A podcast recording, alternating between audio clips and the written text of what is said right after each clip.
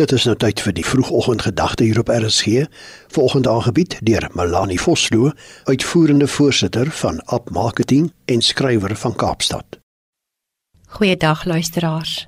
Ons gesels vandag oor die onderwerp bid soos jy kan, nie soos jy nie kan nie.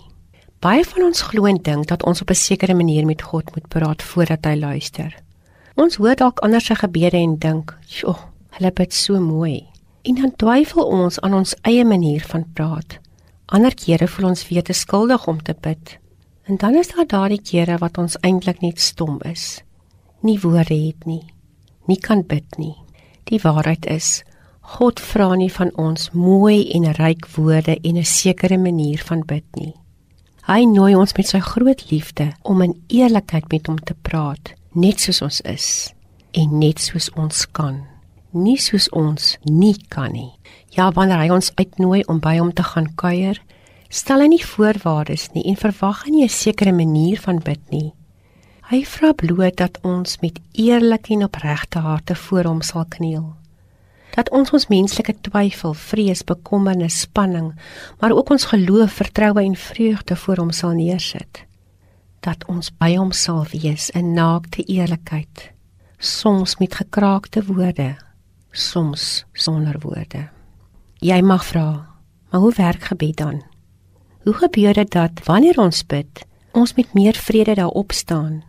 Hoe werk die Gees in mense se harte dat as ons gebid het, dinge vir ons dan tog agterna anders lyk en ons ligter voel? Die antwoord is: ons weet nie. Dit bly soos God self 'n misterie. En ons hoef ook nie te weet hoe gebed werk nie.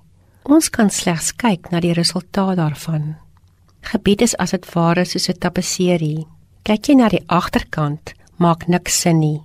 Om die waarheid te sê, dit lyk na 'n klomp deurmekaar los drade wat iewers hulle spoor verloor het. Draai jy egter die tapisserie om, dan sien jy die prentjie. Dan skyn daar lig op die mooi. Dan verstaan jy. Gebed gaan nie altyd vir jou sin maak nie.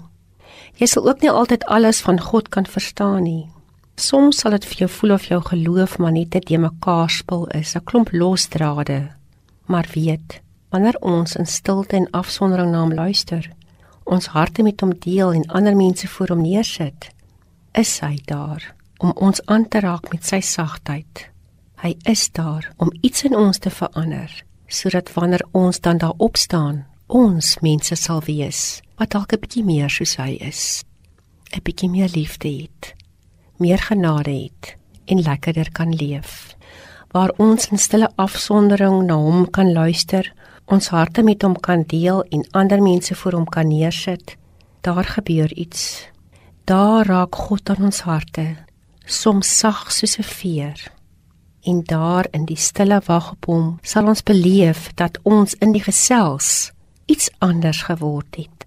Dat ons omstandighede nie verander nie, maar dat ons verander het dat ons iets meer van hom is. Kom ons bid saam. Vader, ek besef vandag dat tyd in u teenwoordigheid nooit verspilde tyd is nie. Dat u dwarsteer my lewe besig is om 'n kunswerk te vorm en dat hoe meer ek in u teenwoordigheid is, hoe mooier u hierdie beeld kan skep. Vader, hou my by u en help my dan net om elke dag met spontaniteit en eerlikheid my gekraakte woorde voor u neer te sit. In die wete dat u gees van God vir my bid dat u my hoor en dat u my en ander sal aanraak volgens u wil. Amen.